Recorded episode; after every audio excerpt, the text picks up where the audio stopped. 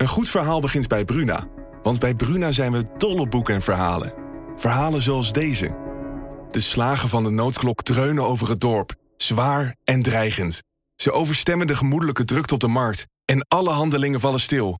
Wat zou er aan de hand zijn? vraagt Oda ongerust. Wil jij weten hoe dit afloopt?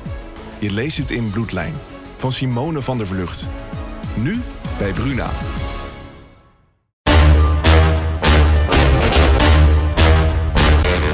Dit is Strikt Privé, de dagelijkse showbiz-update met Jan Uriot en Jordi Versteegden.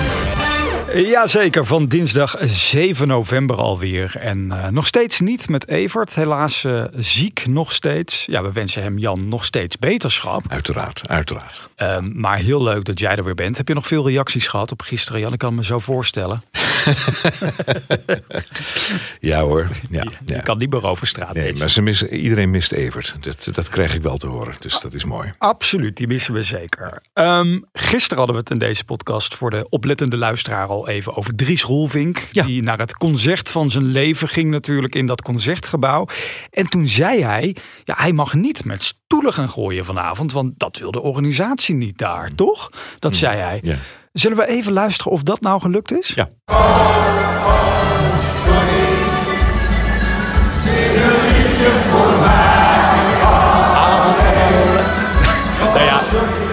Dit is nog maar alleen de audio natuurlijk. Maar ik heb de beelden erbij gezien. Ik kan je vertellen, Jan, het is niet helemaal gelukt. Het is wel echt losgegaan daar Ja, maar dat is ook de bedoeling. Dat, dat is toch heerlijk. Het is een feestje. Ja. En dat, dat, dat- ik bedoel, het maakt niet uit waar je het feestje viert. Er, moet, er, moet, er moet natuurlijk, ja, moeten- mensen moeten losgaan. Dus dat is heel erg goed gelukt, inderdaad. Ja. En mooi dat het ook op een maandagavond kan natuurlijk, toch? Het concertgebouw. Dat is meestal zo natuurlijk, hè, want eh, de andere avonden in vele theaters die zijn dan bezet. Oh ja. En maandagavonden kan je er nog wel eens ergens terecht, inderdaad. Heeft hij er zelf nog iets over gezegd? Nou, toevallig dat je dat vraagt, Jan. Volgens mij hoor ik hem ergens praten. Ja, dit was volgens mij de avond van mijn leven. Paradiso vond ik al geweldig, maar wat er gisteravond gebeurd is in het concertgebouw, nou, dat gaat helemaal nergens meer over. Wat een sfeer. Heerlijke avond en nu val ik in het bekende zwarte gat. Ja, ik denk dat hij niet geslapen heeft van de andere adrenaline. Ik kan me dat voorstellen namelijk. Tuurlijk, tuurlijk. Ja. Dat is hartstikke mooi. Ja. ja, dit smaakt naar meer natuurlijk. Ik denk dat hij gewoon dit echt jaarlijks moet gaan doen. Oh. Concertgebouw is ook eh, echt wel een goede plek daarvoor. Carré natuurlijk ook wel weer. Paradiso heeft hij gedaan. Carré heeft hij al gedaan. Nu het Concertgebouw. Ik zou zeggen, Dries, ga dit gewoon elk jaar doen. En dan misschien meerdere. Ik bedoel, eh, er is genoeg belangstelling voor, lijkt mij. En eh, ja, ik bedoel, je kan natuurlijk meteen doorfietsen naar de Ziggo Dome. Ja. Niet doen. Blijf gewoon zes keer in, die, eh, in het concertgebouw bijvoorbeeld. Dat lijkt mij het beste. En hij kan hier lopend naartoe, hè? Hij woont in de PC Hoofdstraat, daar om de hoek. Hij is gisteren letterlijk daar naartoe gelopen en is gewoon op dat podium gaan staan. En eh, mega te gek. eh, Een thuiswedstrijdje, ja. Absoluut, Jan. Mooi dat het een geslaagde avond was.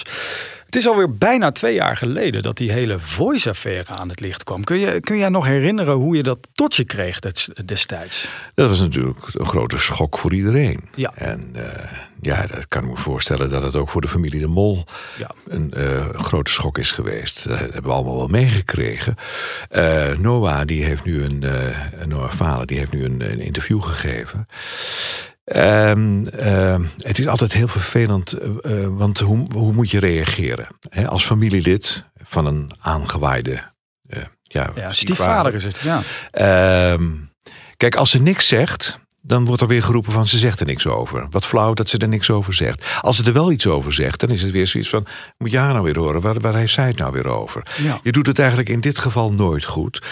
Eén ding kan je natuurlijk wel constateren. Je bent natuurlijk niet verantwoordelijk voor wat een ander familielid eh, uit heeft gesproken. Dat hebben we natuurlijk ook met, eh, met eh, mensen die in de oorlog fout zijn geweest. Je, je, kan natuurlijk, je bent niet verantwoordelijk voor wat je opa gedaan heeft, bij wijze van spreken.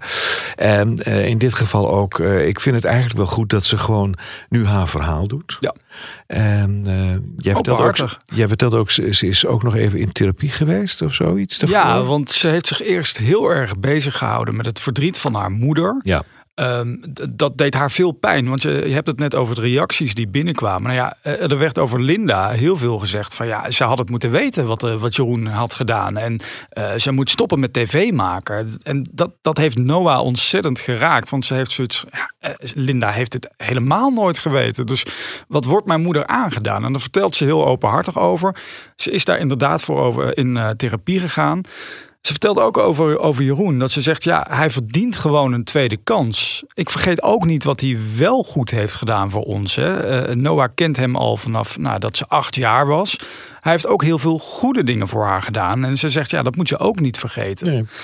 Tegelijkertijd denk ik ook wel, hè, ik hoop maar dat alle lijken nu uit de kast zijn. Dat, dat Jeroen alles heeft verteld. Want die zaak rondom de Voice moet nog gaan lopen. We weten dat Jeroen en Ali B. dat zij vervolgd gaan worden binnenkort. Ja, ja als daar dan verhalen naar buiten komen die zij nog niet kennen, hmm. ja, dan zorgt dat alleen maar voor meer verdriet natuurlijk. We hebben dat, dat is ook zo. onlangs gezien bij Thijs Reumer en Igoné de Jong. Igoné die ook heeft verteld vorige week in een interview dat ze niks wist. Dus ja, ik ben heel benieuwd hoe dit er gaat aflopen. Zeker.